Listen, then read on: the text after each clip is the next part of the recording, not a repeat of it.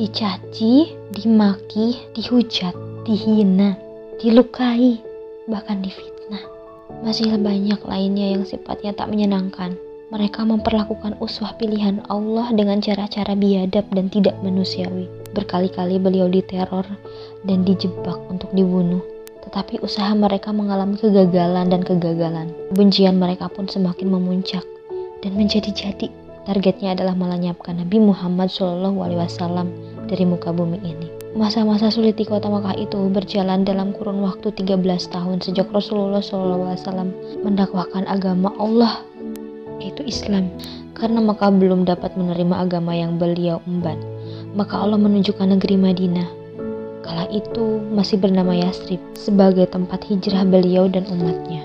Berbeda dengan tempat kelahirannya, yaitu Mekah, di Madinah masyarakatnya siap menerima dan mengamalkan risalah yang beliau bawa, mengamalkan agama Islam, agama yang menyelamatkan yang tersesat, merukunkan yang berseteru, mendamaikan yang bermusuhan, memperjelas yang samar, dan agama yang mengajarkan pemeluknya untuk berkasih sayang, tolong menolong dalam kebaikan, serta mengajarkan tentang arti pentingnya kejujuran, keikhlasan, dan saling memaafkan. Dengan risalah tersebut, Madinah menjadi negeri berakhlak dan memiliki peradaban mulia. Terciptalah suasana madani dan rabani, saling menghormati, tidak ada rasa benci sebagaimana di kota Mekah kala itu.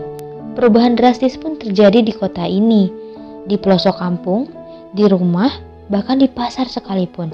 Semua bersuasanakan masjid hingga berada di pasar terasa seperti di dalam masjid. Di pasar dipenuhi orang-orang yang jujur. Jika kedapatan menipu, maka ia akan diusir dari pasar. Jujur di masjid, jujur pula di pasar. Baik di masjid, baik pula di pasar.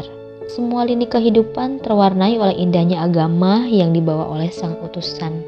Nabi Muhammad Wasallam. Hidupnya suasana religi di Madinah membuat Allah ridho terhadap penduduknya. Dalam Al-Quran disebutkan orang-orang yang terdahulu lagi yang pertama-tama masuk Islam dari golongan muhajirin dan ansor dan orang-orang yang mengikuti mereka dengan baik Allah ridho kepada mereka dan mereka pun ridho kepada Allah dan Allah menyediakan bagi mereka surga-surga yang mengalir sungai-sungai di dalamnya selama-lamanya mereka kekal di dalamnya, itulah kemenangan yang besar. Quran Surat At-Taubat ayat 100. Dan tak hanya itu, Anas bin Malik mengisahkan Rasulullah SAW datang ke Madinah dalam keadaan orang-orang Madinah mempunyai dua hari raya yang mereka bermain-main padanya. Rasulullah SAW berkata, apa yang kalian lakukan dengan dua hari raya itu? Mereka menjawab, kami bermain-main pada sewaktu kami masih jahiliyah maka Rasulullah SAW bersabda, Sesungguhnya Allah telah menggantikannya untuk kalian dengan yang lebih baik dari keduanya, yaitu Idul Fitri dan Idul Adha. Sungguh bahagia hati warga Madinah, betapa tidak? Sang pencipta Allah Subhanahu wa taala berkenan memberikan mereka dua hari raya Idul Fitri dan Idul Adha yang hakikatnya lebih baik dari dua hari pesta pora yang mereka miliki sebelumnya yaitu Nairuj dan Mahrajan. Ya, inilah yang diperoleh oleh masyarakat Madinah. Jadi Idul Fitri kali pertama yang mereka lakukan kala itu bertepatan dengan kemenangan yang mereka raih di Perang Badar. 319 kaum muslimin melawan 1000 tentara dari kaum kafir Quraisy dan setelah itu regionalitas di Madinah semakin meningkat. Mari kita lihat zaman ini. Adakah yang berbeda dengan yang terjadi di Madinah kala itu yang keimanan dan ketakwaan penduduk semakin meningkat termasuk setelah Idul Fitri? Iya, kita dapati hari itu bahwa tak sedikit yang justru malah melempem setelah Idul Fitri. Sab sholat jamaah di masjid semakin maju, maksudnya sab sholat maju alias jamaahnya berkurang ya, bukan maju jadi banyak gitu.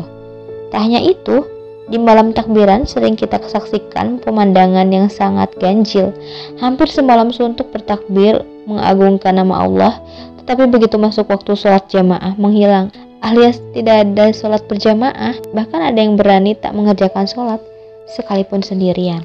Yang mengherankan lagi, penentuan awal dan akhir Ramadan justru menjadi komoditas perbedaan yang berujung pada perselisihan. Setiap kelompok mengklaim bahwa dirinya lah yang paling benar. ya ampun, aneh ya? Jika umat Islam saat ini gemar berselisih dan berpecah belah, Maka Nabi Muhammad SAW berkumpul dan menyatukan umat yang berselisih, mendamaikan mereka yang bertengkar, mengingatkan mereka yang suka berbohong, mengajak orang untuk mentaati Allah dan memberitahu bahwa dunia hanya bersifat sementara.